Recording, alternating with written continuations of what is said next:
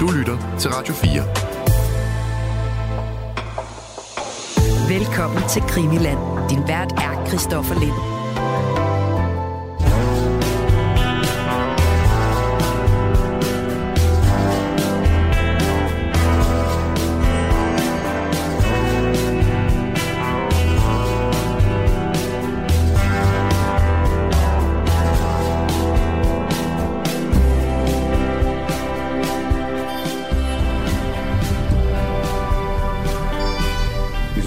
Stille Wasseroberfläche, die mitgeteilt hat, da ist irgendetwas ganz zum Stillstand gekommen, das ist tot.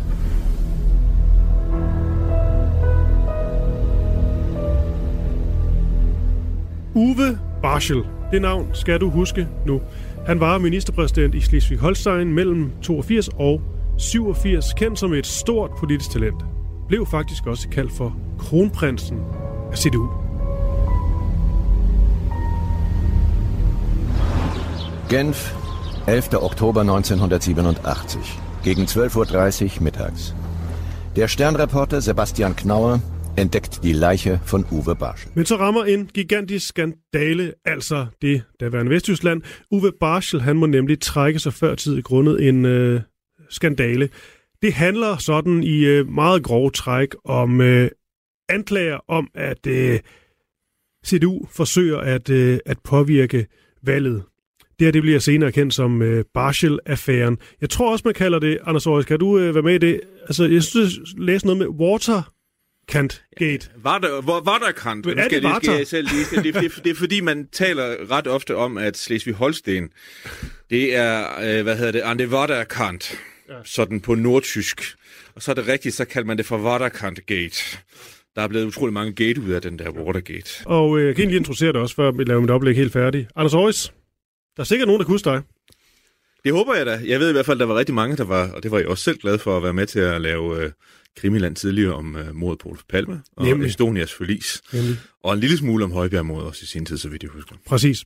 Og du er tilbage her i øh, i hvert fald de næste fire episoder, mere om det lige om et øh, kort øjeblik. For jeg kan lige sige, at hele denne her øh, skandalesag, den involverer jo flere personer, men særligt øh, tre hovedpersoner, nemlig Uwe Barschel her, så også hans politiske modstander fra SPD, Bjørn Engholm, og så journalist og øh, pressesekretær Reiner Pfeiffer, som altså blev, altså Reiner her, anklaget for at have udspioneret politiske modstandere, fundet smus på dem, plantet grimme historier, det hele taget benyttet sig af, må vi nok sige, Anders, de mest beskidte tricks i bogen. Selv der sagde han, at Uwe Barschel her havde beordret ham til det.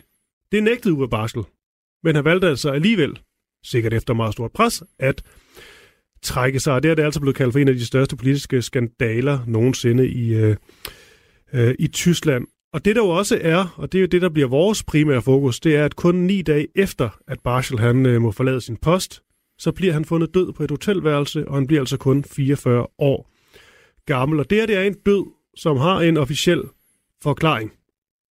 Men det er, stadigvæk, det er en død, der stadigvæk er omgået af mystik, og det bliver altså nu omdrejningspunktet for de her næste fire afsnit af Krimiland med dig, Anders Aarhus. Du lytter til Krimiland på Radio 4. Lige før vi kommer ind på selve sagen, bare sådan lidt mere detaljeret. Det her med, at øh, han bliver fundet død, og der er en officiel forklaring, og så en forklaring, som nogen måske tror mere på, der ikke er den officielle. Hvad er den officielle forklaring? Altså, hvis du slår op i de fleste standardværker, øh, navnlig tysksproget, men også de øh, dansksprogede, der er om perioden, ja. øh, så øh, peger man på, at øh, Uwe Barschel begik selvmord. Ja. Øh, at det er den officielle forklaring, at Barschel begik selvmord, øh, og den støtter man primært på den øh, korte indledende efterforskning, som svejsisk politi man skal jo i det hele taget huske på, at det er en lidt speciel omstændighed, at det er en fremtrædende vesttysk politiker, mm. der dør i Schweiz. Ja. Så det er svejsiske politi, der gennemfører den første efterforskning. Og den bliver afsluttet med, at øh, Barschel højst sandsynligt har begået selvmord. Ja. Og den forklaring har så vandret ind i den, det, man kan kalde for den officielle forklaring. Ja, okay. Af de mange forskellige øh, interessante og øh, morbide alt muligt øh, historier, man kunne have taget, taget op med sådan et øh, krimi-motiv, så vælger du øh, Uwe Barschel-sagen som, øh, eller affæren, hvad vi nu skal kalde den, øh, som noget af særlig interesse og noget, du har øh, beskæftiget dig med, Anders Aarhus. Vil du ikke lige prøve at fortælle mig og øh, Krimilands lytter, hvorfor lige akkurat denne her sag, den øh, fangede din interesse? Jo, altså, der er to oplagte forklaringer, synes jeg. Og den ene, det er, at den er elementært set, og det håber jeg, at programmerne kommer til at vise, at den er meget, meget spændende. Ja. Hvis man ynder at læse kriminalromaner, så er øh, sådan hele sagen taget udgangspunkt i det øh, fortællemæssige greb, man normalt kalder for det lukkede rum. Altså bare bliver fundet på et hotelværelse alene. Mm. Øh, og man ved, at han har været alene i ret lang tid på det hotelværelse. Så vi har det lukkede rum, hvor øh, det ligger lidt tungt med vidnesituationen, men hvor man er nødt til at øh, resonere sig frem til øh, de bedst underbyggede forklaringer ved at kigge i det her lukkede rum og mm. finde de spor, der siger noget. Det er den ene del. Den anden del drejer sig om, at vi er så heldige, så der er øh, noget materiale at gå til. Øh, det er muligt at studere de øh, rapporter, der er fra øh, Schweizisk politis indledende efterforskning.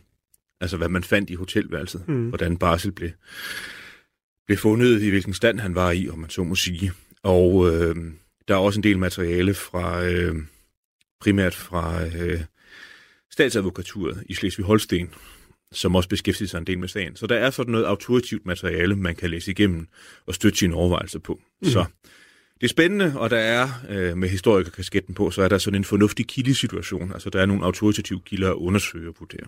Okay, så langt så godt. Det er da lige før, at vi bare skal starte med at få lagt sagen fra måske ikke det politiske, det skal vi nok øh, komme til, men simpelthen på det hotelværelse og få sat scenen. Hvor er vi henne? Ja, jeg vil godt komme, må jeg komme med en lille forbemærkning først, som jeg synes er vigtig at tage med. Øh, der er nok nogen i løbet af de her programmer her, der kommer du og jeg til at tale om øh, et dødt menneske, om gerningsstedsundersøgelser og obduktionsresultater og alt sådan noget. Og hvis man ikke, hvis man ikke bryder sig så meget om sådan noget, øh, hvis man synes, det er at svælge i, øh, i øh, privatpersoners forhold, om man mm. går noget for nær, så skal man lade være med at lytte med. Jeg, jeg, har, jeg fortæller ikke om det for at civilisere et eller andet. Ikke for at civilisere død og kriminalitet i hvert fald. Men det gør jeg for at kaste sådan savligt lys over et mystisk dødsfald. Så det håber jeg, at lytterne vil tilgive os. Det tror jeg, de plejer at gøre, hvis de har fundet vej til det her program her. Der er blevet talt om, om, om døde mennesker før, øh, og detaljer, der kan forekomme makabre. Absolut. Vi prøver dog, og det er jo også en pointe, og det er ikke for at lyde øh, på nogen måde højhældig eller et eller andet, men øh, vi prøver så også netop, som vi også gør i den her programserie, at se på det med sådan seriøst øh, faglige øh, øjne, og også få det, man kan sige, øh, formidlet, så der er mere i det end blot en eller anden øh, fascinationskraft af, at der er en person, der er død, og så svælge det. Mm. Lytter til Krimiland på Radio 4. Historien begynder, begynder jo et sted, og den begynder på et øh, luksushotel i Genève. Øh, Genève er som bekendt i den fransktalende del af Schweiz. Mm. Hotellet hedder Beau Rivage. Jeg tror, det er sådan frit oversat kan så den oversættes til ved den smukke bred eller noget lignende. Og så som du var inde på, så er vi i oktober 1987, den 10. 11. oktober 1987.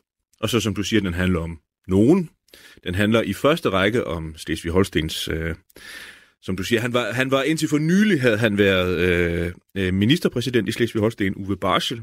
Barschel var repræsentant for det konservative parti i Tyskland, CDU, født i 1944, og han havde været politiker hele sit voksenliv i hvert fald. Øh, og parallelt med, med, med det, så havde han været, ja, jeg tror ikke, der findes andre udtryk for det, end at han sådan havde brugt mest tid på forskning og videnskab.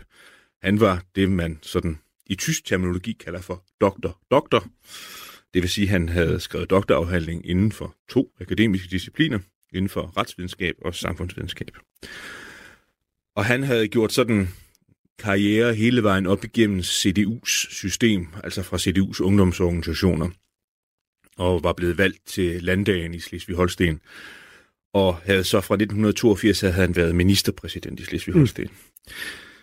Og jeg tror, vi skal begynde med, øh, hvis der sidder nogen, der, der tænker, hvad øh, sådan en tysk regional politiker, det er sådan en tysk amtsborgmester, I taler om, eller hvad er det? Ja. Og, og det er det ikke. Altså, Tyskland er jo en forbundsstat, en statssammenslutning af delstater, om man vil, hvor Slesvig-Holsten, nøjagtigt som nogle af de øh, delstater, som andre måske kender, Bayern og så videre, er jo, er jo en del af. Og de delstater har selvstyre på en masse forskellige politiske områder. Og nogle af dem er jo meget store. Slesvig-Holsten er ikke blandt de største, men nu talte vi om Bayern før. Jeg tror, der bor 17-18 millioner mennesker i Bayern. Øh, så det er, jo, det er jo store delstater i den her sammenslutning her, så dem, der er ministerpræsidenter i det her, det er sådan noget, man kan sammenligne med at have en af de øvre poster i Tysklands forbundsregering, altså Tysklands føderale regering i Berlin. Det svarer til sådan nogenlunde til for eksempel at være, tror jeg, udenrigs- eller finans- eller forsvarsminister. Ja, ja. Og, ja. Så. og Bayern, du lige nævner her, var det, det vil så øh, tre gange Danmark, ikke? Lige præcis. Det skal man lige have med. Ja, det skal man have med. Slesvig-Holsten er en af de mindre, jeg tror, der bor en 3 millioner eller sådan noget. Ja. Så den er jo noget mindre, men, men den modsvarer jo stadigvæk sådan det må sige. En, en stat. Ja. Øh, altså bare sådan som sammenligningseksempel, så den politiker, som øh, Barschel havde afløst som ministerpræsident, Gerhard Stoltenberg, han øh, havde forladt embedet for at blive finansminister i den Helmut Kohl-regering, der tiltrådte i 1982. Ja. Altså, så det var det niveau, man skulle op ja. på, for at, at det var attraktivt at forlade et embede som ministerpræsident i en delstat. Og hvad er det, hvad er det jo skønt, vi skal sige så mange tyske navne? Ja, altså der er en ganske særlig svung, for nu at bruge et velvalgt ord over det tyske alene sprog. Alene Rainer Pfeiffer. Ja, det er det, er, det, det, er det. Gerhard Stoltenberg. Stoltenberg. Det er heller, det er heller, ikke, helt, heller ikke helt skidt. Alt med den her sh-lyd. Ja, lige præcis. Hvis man kan få den med, så klinger det rigtig godt. Ja. Okay, Anders. Sorry. Nej, men det skal du sandelig ikke undskylde for. Så, som du sagde, så, så er der også en del af bagtæppet. Det, det er det er den affære, som du kort præsenterede, som, som, som ligger øh, der i samtiden i september-oktober 1987. Der har været... Øh, der har været delstatsvalg i Slesvig-Holsten ganske kort inden, øh, og øh, hvad hedder det, så er der hele den her affære, som er en form for bagtæppe, men hvor der også er nogle overvejelser om, om den er knyttet til barselsstød eller ej. Mm. Den 11. oktober 1987 i Genève. Den her politiske skandale, der ligger bag, gør, at Barsel er meget søgt af journalister i det hele taget. Altså, de vil jo gerne have et interview. De vil gerne have hans kommentar til den situation, der er. Og på det hotel, øh, Beau Rivage i Genève, der er der øh, to journalister. Vi kan kalde dem for K og A. Det er forbogstaverne for deres efternavne. Mm-hmm. De skriver for det tyske, i øvrigt øh, seriøse ugeskrift Stern. Mm. Der har vi lyden igen, Stern. Stern. Lige præcis. Og de vil naturligvis meget gerne øh, gøre et kup. De vil gerne have fat i Barsel og have hans, øh, hans kommentar til situationen. Så de vandrer jo rundt, de her to journalister. Du kan måske sætte dig ind i det med en lille en lille munterhed. Du har jo professionen. Ja. De vandrer jo rundt som løver i et bur, og de vil gerne have fat mm. i en person, de gerne vil interviewe. Og de kan ikke forstå, hen af middagstid, så kan de ikke forstå, hvorfor at den her dør ind til barselsværelset, hvorfor den bare er lukket hele tiden. Der kommer ikke nogen ud. Det der forstyrrer ikke skilt, det sidder på døren ja. hele tiden. Og det kan dog ikke passe, at den mand, han skal sove så længe, som han skal. Ja. Kommer han ikke snart ud.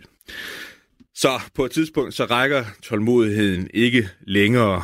Øhm, de øh, er nok også lidt under tidspres. Hvis de skal nå at have det med sådan i rimelig tid, så skal de have fat i ham. Så K, den ene af dem, journalisten, den han har med A, han er, han er pressefotograf. K, han går hen og tager i døren ind til Barschels værelse og går ind øh, i sådan et, altså gardinerne er trukket for, der er mørkt, der er en lille smule lummert, bemærker han sig med det samme, altså luften er tung derinde. Øhm, og så skal man forestille sig lidt, hvordan sådan et hotelværelse ser ud. Altså du går ind ad en dør, så til venstre, så er døren ind til badeværelset, så er der til højre er der skabe, så kan du gå lige frem, så er der en afdeling, hvor der står en seng, skrivebord, fjernsyn osv.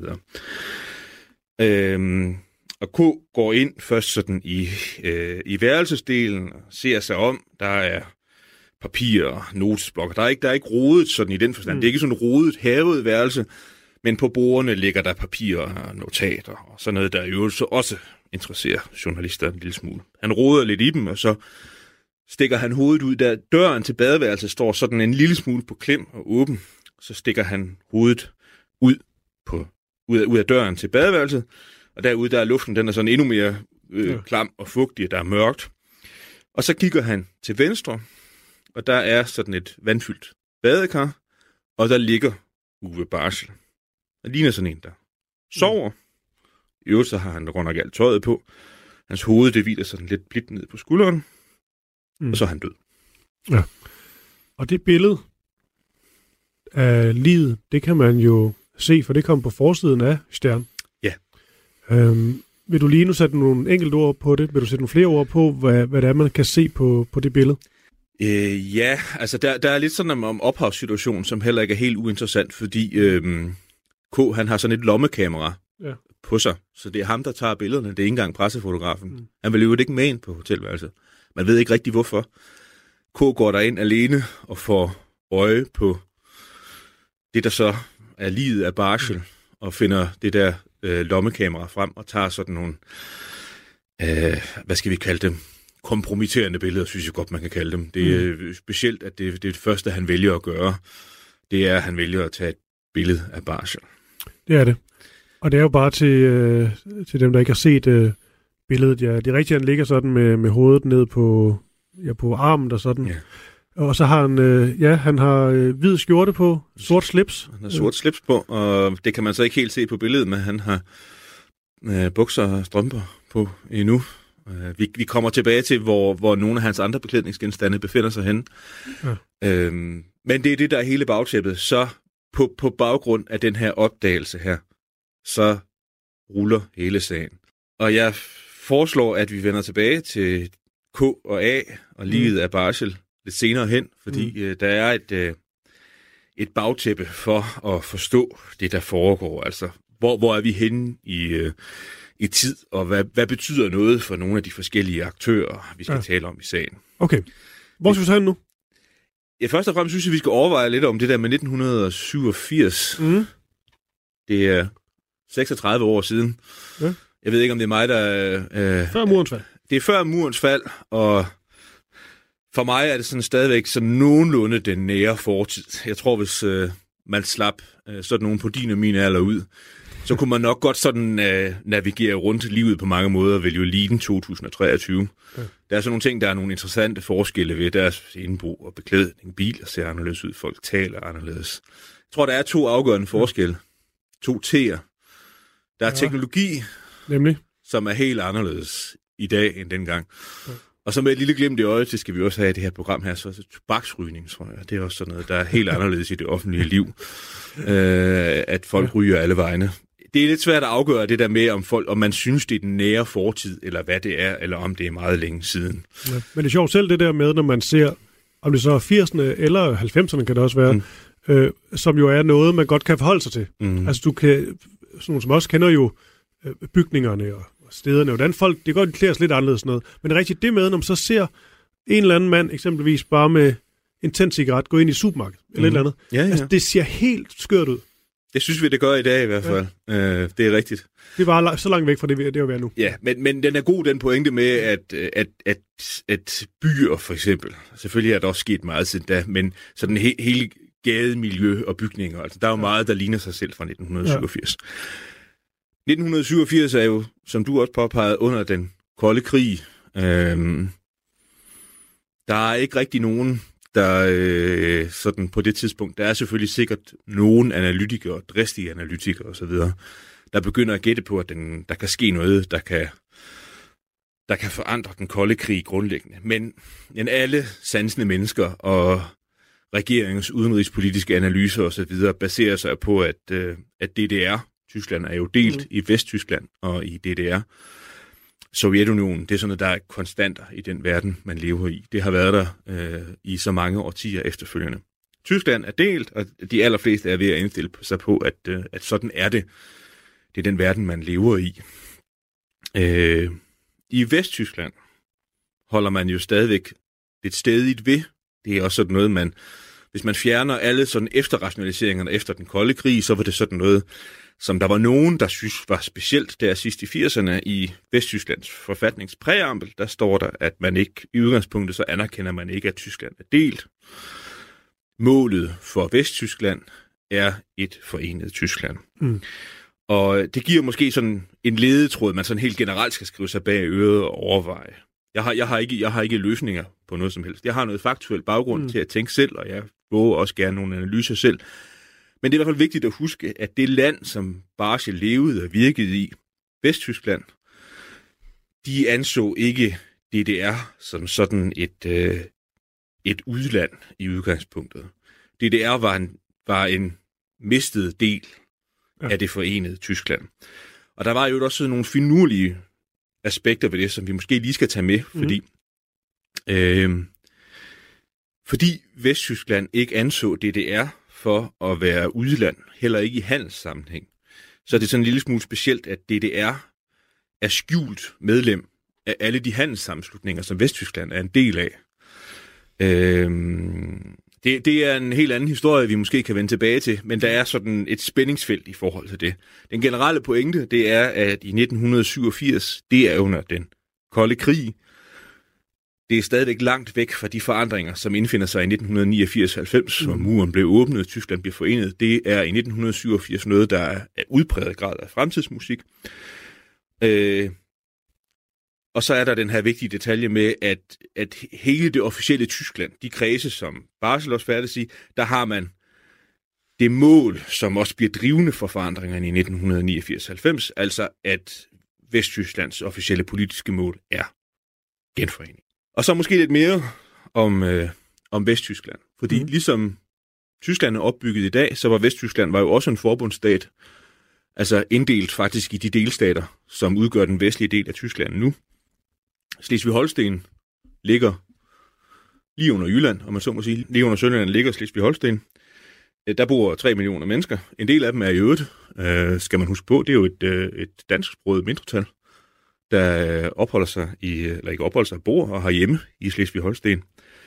Øh, hovedstaden i delstaten, det er Kiel, havneby, der ligger ud til Østersøen. Og hele Vesttysklands sådan demokratiske politiske system er domineret af, at man har et konservativt parti, CDU, som Barsel repræsenterer. Så har man et socialdemokratisk parti, SPD. Og så har man sådan midt imellem, så har man sådan lidt primitivt sagt sådan noget, der minder om det radikale venstre, altså FDP, ja. af dem, der befinder sig midt imellem. Og i visse tilfælde, så er FDP, så kan de være en koalitionspartner, eller de kan være et tredje valg, hvis man ikke bryder om sig om nogle af de andre to partier. Og i Slesvig-Holsten, der er det jo så sådan, at der har man så også et fjerde parti, fordi der har man SSV, som er det danske mindretalsparti, som også indgår øh, fuldgyldigt i Slesvig-Holstens politiske system. Og så er der nogle enkelte delstater, hvor et andet kendt parti, nemlig de grønne, allerede er begyndt at røre på sig på det tidspunkt her. Men i Slesvig-Holsten, i hvert fald i Barsels tid, der er det CDU, der dominerer, og de har flertal alene. Øh, har ikke fået det ved det valg, der er blevet afholdt ganske kort før, at Barsel dør. Okay. Der har man sådan et, et lidt kompliceret, fordi der har man dybest set, så har man sådan en, øh, en uafgjort stilling imellem, ja. imellem blokkene, og skulle tage fat på noget, man ikke plejede at gøre i Slesvig-Holsten, nemlig at lave sådan nogle ind i regeringsforhandlinger, altså hvor der ikke var enten CDU eller SPD, der havde flertal alene. Ja, ja det, CDU, det er sådan noget siden 1950, så har de øh, siddet tungt på det. Det, det er rigtigt. Altså, der er sådan nogle helt generelle politiske skillelinjer ja. i Vesttyskland også, ja. Øh, som, som man kender fra andre politiske systemer. Øh, udkant kontra store byer, landbrug kontra industri. Det spiller også en stor rolle med det katolske Tyskland kontra det protestantiske Tyskland. Øhm, og hvis man ved noget om Slesvig-Holsten i dag, så ved man, at i dag så er, er det sådan en, med en lånt term, så er det sådan en svingstat, altså hvor magten den skifter mellem borgerlige og imellem socialdemokrater. Men dengang i barselstid, som du siger, der var det sådan en stærk CDU-bastion. Mm. Siden 1950 har de siddet øh, på magten. Øh, jeg tror, det er på grund af det, man kan kalde sådan den agrar udkantsskillelinje, der er i Tyskland. Mm. At, at det er det, der gør sig gældende. Og øh, så er det også i høj grad præget af, at det er også det, man skal forstå ved Vesttyskland, det er, at CDU er sådan nogen, der er, er garanterne for sådan en stabil politisk ja. udvikling, uden alt for mange udsving.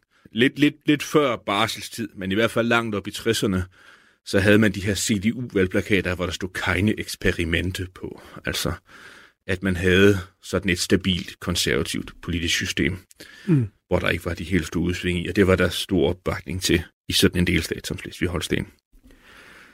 Og de, de ministerpræsidenter, der har siddet der, sidder solidt og sidder længe, de øh, er også typisk, altså så har de kun forladt posten, som sagt, for at indtage en, øh, en fremtrædende post mm. i, i Tysklands forbundsregering, i den føderale regering.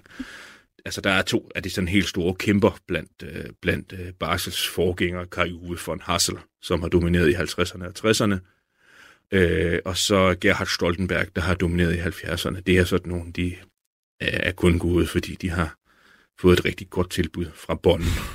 Ja. Og det skal man jo også huske på, det er jo ikke... På det tidspunkt, så har Vesttysklands forbundsregering har jo ikke siddet i Berlin, ikke engang i Vestberlin. Det er Bonn, der er Vesttysklands hovedstad. Ja. Det er måske forbundet med sådan en vis nostalgi for nogen, man kan huske, at... Bonn, det kan jeg Lige præcis. Ja. TV, TV-avisen fra de gamle ja, ja, dage, ikke? så havde man Vesttysklands korrespondent, ja. han hørte hjemme i Bonn. Frode Christoffersen. Jamen, det er rigtigt. Det, Bonn. Øhm, jeg er næsten for ung til at være nostalgisk omkring det, men alligevel er lidt. Ja, ja der, jeg tror, der er, der er ikke noget at sige til, at der knytter sig en vis nostalgi til den periode. Jeg tror på, at hvis, hvis, hvis man skal forstå det, vi skal videre til at tale lidt om, så, så er det vigtigt at have de her sammenhæng her i baghovedet. Ja. Og så ved jeg ikke, om vi skal tale lidt om sådan om Barsel, om hans sådan biografi og hvordan han, han var som politiker sådan i det hele taget. Altså som nævnt, så Barsel havde, havde gjort karriere inden for CDU's ungdomsorganisation, og været sådan en, der meget, meget tidligt, allerede fra da han var en 20 år. Ja, vi kan måske gå lidt længere tilbage og sige, som sagt, Barsel mm. var født i 44. Ikke, tror ikke det rareste tidspunkt at være født i ja. Tyskland i det hele taget. Men han kunne faktisk leve nu. Ja, det kunne han. Ja. Han, øh, han kunne fylde 80 næste år, og, og kom fra sådan faktisk lidt sådan en, en, en trist, traumatisk, men meget kendetegnende af den verdenskrigsbaggrund. Han er født i, øh, jeg tror det er vel på det nærmeste i hvert fald en flygtningelejr, eller i hvert fald sådan et, hvad skal man kalde sådan noget, sådan et område, hvor man anbragte folk, der ikke øh, kunne bo der, hvor de boede før. En fattig mor, hans far falder i krigen, men viser sig så allerede fra sine ungdomsår og, øh, at have talent. Mm. Altså være sådan en, jeg tror, det er sådan en meget udbredt term for dele af sådan det 20. århundrede. Sådan en, der var parat til at lave sådan en klasserejse i det hele taget. Altså bevæge sig fra de her, den her fattige kår her, og så øh, studere, mm. øh, få kontakt med de etablerede kredse. Han var også dygtig til at lave sådan nogle ting, der, der skabte opmærksomhed. Mens han gik i gymnasiet for eksempel, var han, jeg tror, jeg kan ikke huske, om han var formand for elevforeningen, eller om han var fordel for, formand for CDU's regionale ungdomsorganisation det er i princippet også ligegyldigt. Men han inviterede sådan en, en, en, øh, en fremtrædende tidligere øh, nazistisk politiker ja. til at komme og holde foredrag. Øhm, ikke sådan en, altså, det skal vi ikke bevæge os ind i en større filosofisk diskussion af, af nazistiske politikere. Der var jo mange i Vesttyskland, og i øvrigt også i Østtysklands politiske system, der ikke helt kunne løbe fra, at de jo også havde levet og virket i 30'erne og 40'erne. Ja. Det var ikke sådan en koncentrationslejrkommandant, han in, in, in, inviterede, men sådan en rimelig mm. fremstående, berømt øh, øh, nazistisk politiker. Og, øh, og det var selvfølgelig sådan noget, der gav overskrifter, at, at, at sådan en, en, en ung, øh, dristig gymnasiast øh, ja. indkaldte til foredrag med sådan en. Det var også en smart måde at komme i aviserne på det skal man nok ikke løbe fra, det aspekt, at det var også i hvert fald noget, der gjorde, at folk fandt ud af, hvem Uwe Barschel var, og at han var sådan en, der ikke fandt sig i hvad som helst, der var parat til at tage fat i utraditionelle løsninger. Øh, og altså, der er ikke noget, der, der ikke tyder på, at Barschel ikke giftede sig af kærlighed. Men han var også så heldig, så han blev kæreste med en kvinde. Freja hed hun til fornavn, og så hed hun von Bismarck til efternavn. Øh, og det er jo helt tilbage til det forenede Tyskland i sidste halvdel af 1800-tallets mm. jernkansler Otto von Bismarck, altså, som er også sådan en, en stor øh, tysk national, tysk konservativ slægt, som selvom at, at, at slægten ikke har sådan nogle fremtrædende politiske repræsentanter mere, mm. så er det sådan noget, der er lidt svung over og det er ikke de værste at få forbindelse med, når man er sådan en, en ung, ambitiøs, konservativ mand. Øhm, og så viser han sig, øh, som sagt, for det første at være intellektuelt begavet. Ja. Altså, han, hvis man kan skrive to doktorafhandlinger, mens man, mens man er i 20'erne og 30'erne, så, øh, så fejler pæren i hvert fald ikke noget. Øh, og han er også dygtig i forhold til, øh, i forhold til hvad han, hvad han sådan netværke, vil man kalde det i dag. Jeg Mm. tror ikke, det udtryk var opfundet dengang. Hvis man skulle finde en, der var, var dygtig til sådan et netværke, så var det barsel, politik, ægteskab. Men han brugte også hans juridiske baggrund til at øh, etablere sig som advokat og notar. Jeg tror ikke, det der notarbegreb, det er ikke noget, man bruger så meget mere, eller ikke er så kendt i Danmark. Øhm, men, men altså, det, er jo, det er jo typisk sådan en uafhængig part i en forretningsaftale. Altså hvis begge parter har behov for at legitimere sig og have en uafhængig part til at skrive en aftale, og være den, der bekræfter en aftales gyldighed. Altså, hvordan Jeg tror- tror... forstår, er det sådan ligesom, hvis, øh, øh, hvis det ligesom er to parter, og så skal man ligesom på en eller anden måde kunne fuldstændig validere den her underskrift, eller hvad det er, så er en notar, der ligesom kan... Det, det er det ene aspekt i det. Ja. Ja. Det, er, det er legitimeringsdelen, men Ja. ja. også det uafhængige af det. Jeg tror egentlig godt, at man kan sammenligne øh, danske advokaters rolle med det, hvis du indgår Ja. ja. en, en Okay. ægte pagt, for eksempel, i dag. Så det er jo også typisk sådan en... Øh, og, ja. Jeg ved ikke, jeg er ikke tilstrækkeligt sådan kyndig ude i forretningslivet eller jura, men jeg tror måske sådan, at det forekommer mere i dag. Vi ser bare ikke de der skilte i porten, hvor der står notar. Det står der ikke i Danmark. Det står der, tror jeg, stadigvæk nogle gange, hvis du vandrer rundt i Tyskland, hvis man holder ferie, Ja. så kan man se de der øh, polerede kårskilte, der hænger, så står der Rechtsanwalt, og så står der notar nedenunder. Og det var sådan noget, Barschel gjorde. Øh, han, han blev kompagnon i et, i, i et stort firma, der også betjente pengestærke folk. Mm. Så, så han fik kontakt med de rigtige kredse, men det, men det var politik, han satsede på. Altså det var virksomheden i landdagen, hedder det. Altså det hedder Mm. de, de øh, delstaternes parlamenter. Og der, der begår han sig i at blive valgt og bliver, bliver tidligt øh, så en ting er, at man har regeringsmagt, men man har jo også en, øh, en, øh, en parlamentsgruppe, der skal fungere. Og det er jo typisk Ja. der, hvor man sætter sådan nogle af de, af de dygtige yngre hen, før de får en, øh, et embede i regeringen. Så skal de vise, at de kan begå sig parlamentarisk. Og det kan Barschel også. Barschel er formand, gruppeformand vil man kalde det på dansk, men altså sådan en, der holder styr på sådan en øh, ret mange faktisk. Det må vel have været en 25, 30, 35, måske flere øh, medlemmer af landdagen og bliver minister. Jeg tror, han er indrigsminister, det må du ikke hænge mig heller på, det er baseret mm. på hukommelsen, i, øh, i, øh, i, øh, i Slesvig-Holstens delstatsregering og bliver, bliver minister, da han er midt i 30'erne eller sådan noget. Mm. Og og Vesttyskland og også Slesvig-Holstens politiske system er med sådan et, et, et, et neutralt beskrivende begreb, sådan lidt gammeldags og patriarkalsk. Altså, det er Ja. ja. ofte utænkeligt, at det ikke er sådan en familiefar, der er over 50, der, der besidder de, de, de, de, øh, de store embeder. Og så har man sådan en ung mand midt i 30'erne, der får et, et stort embede. Og da han bliver ministerpræsident i, øh, i, i 283 som 38-39 tror jeg, at han er den yngste, der har været ministerpræsident i en tysk delstat overhovedet. Okay, så Øh. det er også lidt en fortælling om øh, sådan et øh, ungt øh, stjerneskud, der øh, ret hurtigt indtræder øh, den poli- Jeg skal lige forstå den politiske scene, skulle jeg til at sige. Øhm, det gør han jo, men, øh, men det virker heller ikke til, til, at politik ligesom var skrevet i stjernerne, men det er sådan noget, der kommer til ham. Jeg tror, jeg tror det, det, det, han, det, han finder ud af, det er, at, øh, at han, han, det er det, han er dygtig til, tror Ja. jeg. Altså, øh, som sagt, så stifter han bekendtskab med advokatverdenen og notarverdenen. Jeg synes også, at, øh, at han er dygtig til det, men, men, men det er ikke det, han synes er spændende. Nej. Altså, øh, jeg tror, hvis man skal være en lille smule fordomsfuld, så er det sådan en del af hans videns tilegnelse i forbindelse Ja. med politiker. Politiker, det er det, det er det, han vil være, og det er det, han er dygtig til. Og det, han sådan, sådan appelmæssigt er rigtig dygtig til, det er at forene den her ungdom og vitalitet og målrettethed Mm. med sådan en baggrund, der er i orden.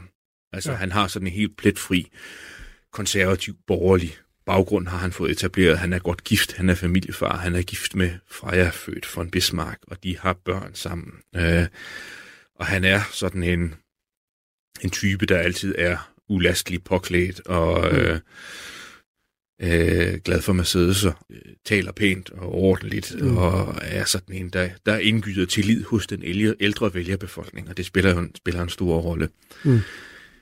Og så skal vi måske også lige have, have det med, fordi nu er der jo en ting af, det er, at hans politiske løbebane bliver afbrudt på tragisk vis. Men han har også ambitioner. Du nævnte det der med, med, med kronprinsdelen. Der er jo sket det i Tyskland i 1982, at Helmut Kohl bliver forbundskansler i en lang periode, efter at Vesttyskland er blevet dannet er det, det konservative CDU, der sidder på magten fra 1949 og indtil 1969. Hmm. Og så skifter magten i 1969, og så har man en periode, hvor det sådan er øh, en socialdemokratisk forbundskansler, man har. Først Willy Brandt, som nogen måske kan huske indtil 74, og så øh, Helmut Schmidt, øh, som nogen måske også kan huske, fra 74 til 82. Og så i 82, så på mange områder i tråd med, hvad der sådan den politiske udvikling er i mange andre lande. Man kan bare tage Danmark for den sags skyld, hvor man jo også får en konservativ statsminister i 1982. Thatcher i 79, Reagan i 81 osv., så får man også en borgerlig forbundsregering i Tyskland under ledelse af Helmut Kohl, mm. som Helmut Kohl er 15 år ældre, tror jeg. Ja. Han er født i 29. Og jo, der apropos øh, nostalgi. Ja. Øh, inde på, jeg tror også, at mange der har et lidt nostalgisk forhold til Helmut Kohl. Det er måske også lige Flem Toft der i finalen i 92. Ja, ham gør vi Ice Kohl. Gør Ice Kohl, ja. Ja, Jeg ved ikke, hvor mange sådan har et forhold til hans politik og sådan noget, men der er et eller andet med Helmut Kohl. Det er også et navn, der har lidt svung. Ja, det er det helt bestemt, og Kohl er jo øh, Kohl er på alle måder en, en stor mand. Det er interessant, han er blevet det. Øh, han, øh, han, han sagde en gang om sig selv, ved jeg, at han havde været undervurderet hele sit liv, og klaret sig godt på den måde. Ja. Det synes jeg var en meget finurlig sammenfatning. og var egentlig også øh, før genforeningen, øh, var han ikke sådan en, der sådan he- helt havde slået igennem. Han var sådan symbolet på det der sådan lidt... Øh, nu jeg udtaler mig jo bare beskrivende, men sådan det, mm. det lidt træge, traditionelle Ja. øh, vesttyske politiske system. Han havde utrolig mange kvaliteter. Han var helt bestemt en gennemført en, en, en ordentlig mand, der havde appel til konservative kernevælgere, og var sådan en, der videreførte den her kejne eksperimentetradition. Men der var altså ikke, så var der ikke sådan en øh, så meget svung over ham. Øhm, hvis man tænker på, hvordan, hvis vi tager nogle udlandske eksempler, hvordan sådan Reagan kunne formulere sig, øh, mm. sådan noget, øh, øh, øh, slagfærdige typer, og Thatcher kunne være hård. Så, var, så Ko- Kohl var sådan mere øh, meget øh, afdæmpet og rolig i sine mm. formuleringer. Og Helmut Kohl har fortalt, at øh, han øh, ikke så lang tid efter han selv var blevet forbundskansler, så er det jo selvfølgelig ikke nogen tvivl om, at, at, at sådan de fremtrædende CDU'er, både på forbundsniveau, men også på delstatsniveau, rendte jo også på hinanden og samtalte. Mm. Og han samtalte selvfølgelig også med, med Uwe Barschel. Selvom der egentlig, hvis vi lige skal dvæle sådan kort ved det, så er der jo tale om sådan nord, nord-syd-deling af Tyskland, det protestantiske kontra det katolske. Og Kohl kom egentlig sådan, og havde egentlig sådan et sind, var nærmere knyttet til det sydlige og det katolske Tyskland. Mm. Barschel kom jo fra, fra det nordlige protestantiske Tyskland, så der var sådan nogle interessante spændingsfelter om, at selvom de tilhørte samme parti, så var de sådan måske ikke helt på bølgelængde okay. Med hinanden. ja. Men, men Kohl kunne egentlig godt lide Barschel, og, øh, og kunne godt lide, at han, øh, han øh, havde vist sig at være den der kombination af at være ung og talentfuld, men også driftssikker. Og Kohl har fortalt, at, øh, at Barschel har sagt til ham på et tidspunkt, først i eller midt i 80'erne, har sagt til ham, at, at øh, han regnede der med, at det var ham, der skulle øh, afløse Kohl på et eller andet tidspunkt. Mm. Øh, at øh, det var da hans plan, at, øh, at øh, når han havde fuldendt sit politiske værk i, i, i Slesvig-Holsten som ministerpræsident, og havde en, der kunne overtage efter ham, så var det da helt naturligt for ham at blive forbundskansler i Tyskland. Ich frage Sie, Herr Dr. Barschel, aus die Wahl annehmen. Herr Präsident, ich nehme die Wahl an.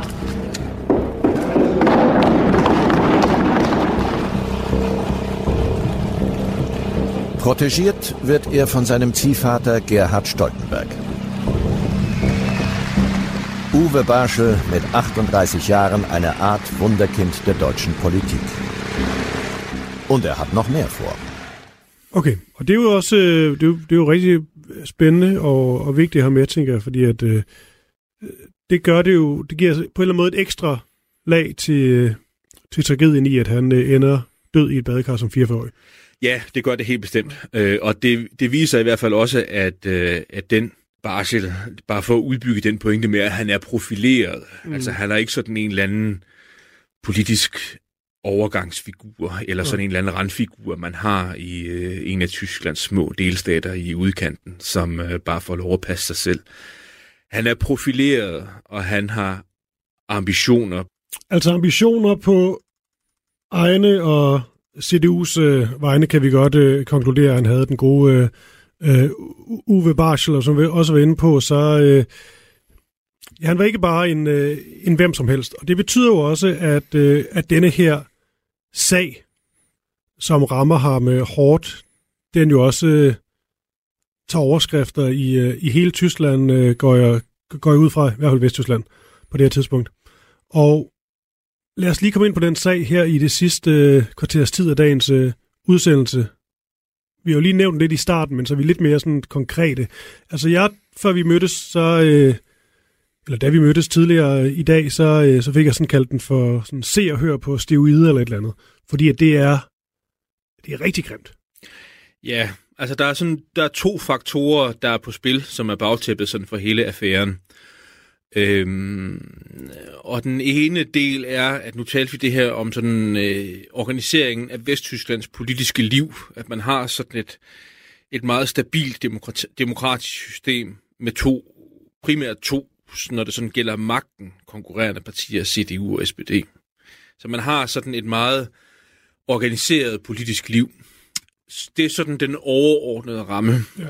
Og så udover det, så har man faktisk sådan øh, en øh, sådan savligt set og politisk set, så har man en meget stærk vekselvirkning navnlig mellem de to partier. Altså hvis man, hvis man giver sig til at kigge lidt på sådan Vesttysklands politiske historie i 70'erne og 80'erne, så er det ikke sådan, at man for eksempel ikke skændtes i forbundsdagen.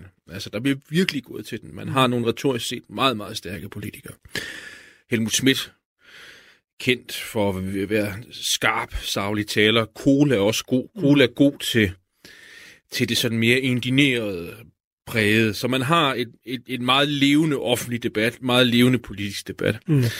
Jeg tror, det, at vi står og laver sådan nogle bevægelser i luften, altså man skal forestille sig sådan nogle lag. Man har et politisk system, så har man partipolitiske og alle diskussioner, så nede under det, så har man sådan selve kampen om magten, ja. som virkelig spidser til i nogle sammenhæng. Mm. Og det, der har været specielt i Slesvig-Holsten, det er, at CDU har siddet så solidt på magten i så mange mm. år. Siden 1950 har de forskellige ministerpræsidenter fra CDU afløst hinanden, og CDU har en ret stærk identifikation med magten, for nu at sige det lige ud. Ja. Men man kan se i den valgperiode fra 83 til 87, at man ser frem imod et landdagsvalg, som mm. bliver tæt. Ja. Øh, og så tror jeg, det er en helt naturlig reaktion. Det vil egentlig være ligegyldigt, hvilket parti, der havde magten. Ja. Så vil man tænke meget over, hvordan får vi tilrettelagt en skarp valgkampagne, hvor vi får spillet på hele klaviaturen. Ja, ja, selvfølgelig sådan et valg, hvor, hvor det valgresultat dybest set er øh, bestemt øh, på forhånd. Der er ikke noget som helst øh, spænding. Der, der er jo ikke nogen, der ser den store grund til rigtig at spidsknivene. Men her... Der bliver gået til den. Ja. Og i første omgang, før hele affæren udfolder sig, så det man, det man gør, det jeg tror for nemheds skyld er det bedst at sige, at CDU gør det. Fordi vi ved ikke helt, om det er Barschel personligt, eller om det er Barschel stab, eller om det er CDU's øh, partihovedkvarter i Kiel, der gør det. Men, men det, man beslutter sig for, det er, at man er nødt til at have sådan en aggressiv mand at sætte ind til den skarpe valgkampagne. Og nogen kender måske den tyske tabloidavis Bild, som stadigvæk udkommer. Axel Springer er måske også et navn, der siger noget. Vesttysklands store aviskonge. Mm. Øh, og det man simpelthen gør, det er, at man henvender sig til det bladhus og spørger ad, om man kan få en uh, mand, der er rigtig, rigtig skarp til pressehåndtering. Pressereferent, siger man på tysk mm. normalt. Som er sådan en, der egentlig ikke bare kan holde øje med udviklingen i pressen, men også påvirke den. Mm. Det tror jeg, det er meget naturligt. Og det er også meget naturligt nogle gange, at man tager nogen med, der er skarpe ud i den slags. Men hvis man skal bruge sådan en metafor, så skal man forestille sig sådan nogle skuffer, man kan trække ud. Der er noget, man kan gøre, man, noget, man, kan, man kan aktivt fremme sin egen dagsorden. Man kan gå modpartens dagsorden, så hvis vi går lidt længere ned i skuffedej, så kan vi finde sådan noget, der er lidt mere afdelingen for beskidte trick. Ja, lidt smus. Lidt smus, ja, lige præcis. Mm. Og der er det ham her, Rainer Pfeiffer, man får stillet til rådighed, mm. som er i den her afdeling for beskidte træk. Og der findes nok, ligesom alt muligt andet, så findes der forskellige grader af beskidte trick. Ja. Det man gør, det er, at man indgiver en anonym anmeldelse imod SPD-modkandidaten ved valget, Bjørn Engholm. Mm. Det er ham, der er Barsels udfordrer. Skal vi sige lidt om ham, måske? Ja, han Så er lige ganske kort. SPD-mand. Han er SPD-mand. Ja. Altså nogenlunde jævnaldrende med Barsel. Mhm. Han er lidt ældre, men har en farlig profil, set det sådan ser ud fra et CDU ståsted, fordi øh, Engholm er, hvis vi skal tale lidt i stereotyper, Mm. så SPD er jo et arbejderparti, og øh, det er ikke sådan lige den lokale formand for svejserarbejdernes fagforening, man har fundet. Der er ikke noget som helst galt med svejser, tværtimod. Men det er ikke sådan en arbejderisttype, man har fået. Engholm har også en lang karriere bag sig. Han har været undervisningsminister, tror jeg faktisk, i forbundsregeringen under Helmut Schmidt i 70'erne. Og også sådan en, der er på vej frem. Han er altid sådan ulastelig klædt i pæne jakkesæt. Mm. Ryger pibe, sådan noget, der er meget tillidsindgydende i det her sådan lidt patriarkalske vesttyske politiske system, hvor at de fleste fremtrædende politikere er sådan nogen, der er familiefædre og giver udtryk for det. Altså, det er en farlig modstander, man har. Så, Pfeiffer, han tager fat i den her afdeling af beskidte træk, øh, laver en anonym anmeldelse om skattesvindel mm. mod øh, Bjørn Engholm. Og det er selvfølgelig bestemt ikke kønt, og det er ikke noget, man skal gøre. Man skal ikke lave falske anmeldelser. Mm.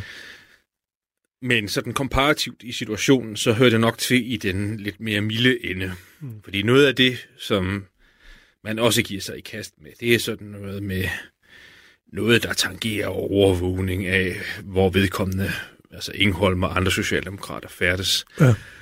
Og så udgiver, hvad hedder det, Pfeiffer sig også for at være læge, og ringer til Bjørn Engholm og antyder, at Bjørn Engholm muligvis skulle have fået AIDS.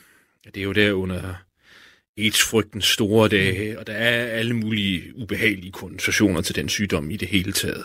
Øh, Så der er vi ude i sådan noget, der virkelig er afdelingen for meget, meget ubehagelige beskidte træk. Ja, det er meget ekstremt, det må man sige. Ja, det må man sige. Det er ikke, det er ikke så kønt. Men en ting er Engholm, det er jo også, øh, øh, så vidt jeg lige har læst mig frem til, sådan nogle andre, øh, måske mindre partier, politiske modstandere, et eller andet. Altså det er bare for at sige, at det, det er alle knep øh, gælder, og det handler om at få modstanderen ned med, med nakken, så CDU kan få det absolut flertal. Ja, CDU skal gerne bevare sit absolutte flertal, og man er truet af et styrket socialdemokrati, styrket af småpartidannelser, også øh, som er sådan nogen, der kan udfordre CDU's øh, absolute flertal.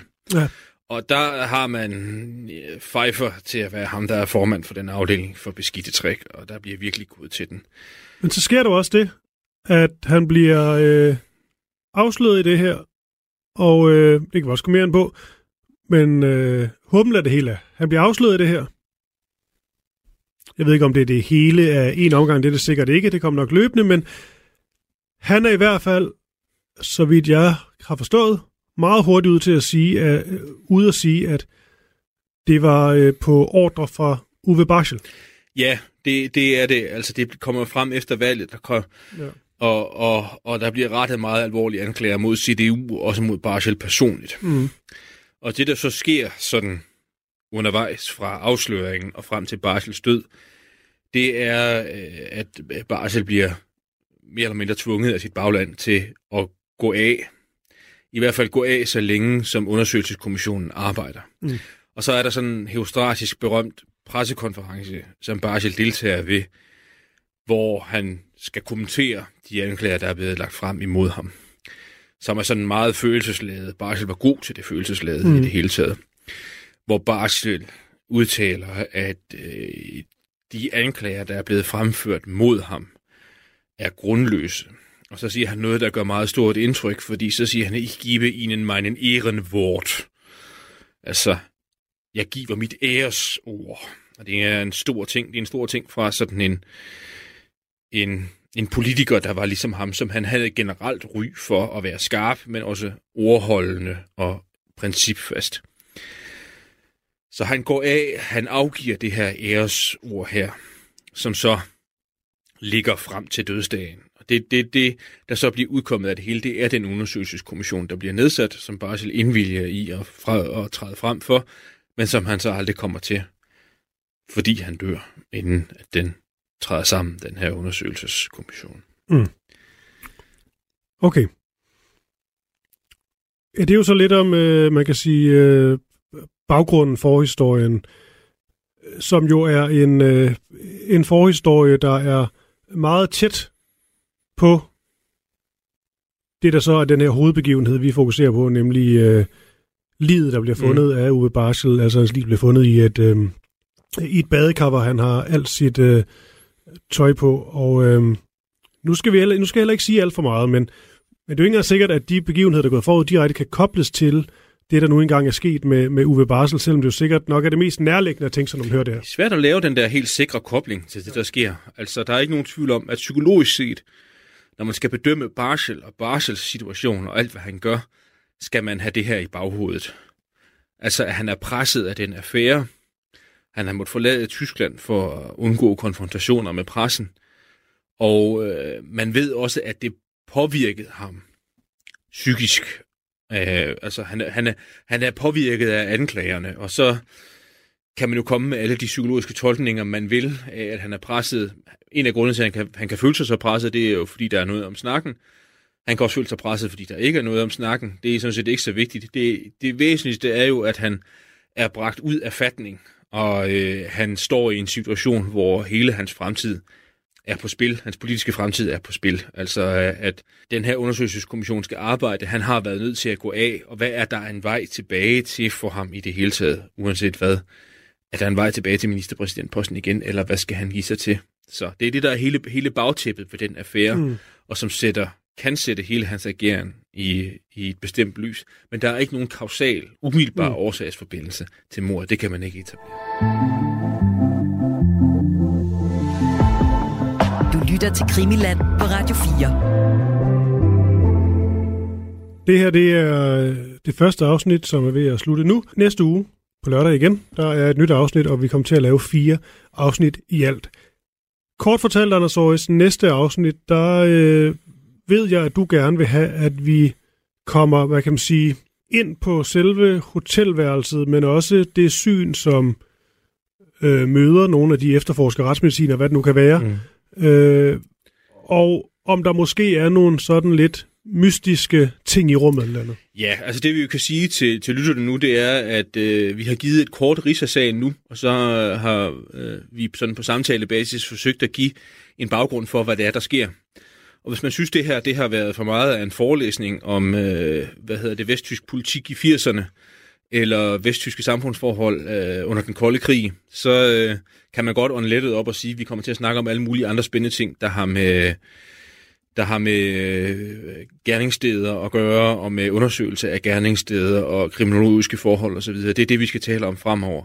Men, men, men jeg, du og jeg er enige om, at, øh, at det her det er vigtig baggrundsinformation for at kunne forstå det, der sker senere hen, og kende noget til Uwe Barsel og Uwe Barsels tid. Mm. Det bliver spændende i næste uge, Anders Aarhus, øh, historiker. Tak fordi, at du, øh, du er med, og øh, til dig og til lyttende, så øh, ses om nu. Ja, selv tak.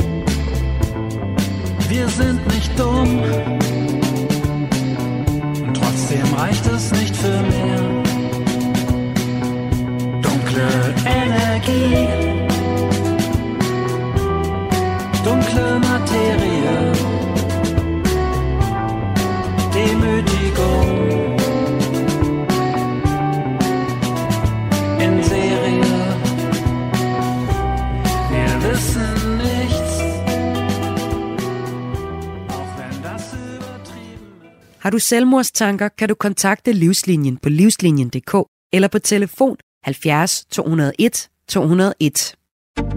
Jeg har haft øh, 39 feber i fem dage, mm. men det bliver ikke bedre. Lad mig lige prøve at se dig på video. Vagtlæger visiterer og behandler hver dag tusindvis af patienter på en videoforbindelse. Prøv at kigge lige ind i kassen der. Prøv ja. Men er det sikkert for patienterne? Men det ser sgu på ingen måde alarmerende ud. Og kan det få fatale konsekvenser? Man kan ikke vurdere en farvetoning af en hudoverflade for eksempel igennem en videokonsultation. Videokonsultationen kan være en hemsko for, at man lytter ordentligt til, hvad patienterne siger. Lyt til Intet at se i Radio 4's app, eller der, hvor du lytter til podcast. Vi bliver nødt til at vide, hvad var det, han døde af? Radio 4. Man kan jo ikke dø af en migræne. Ikke så forudsigeligt.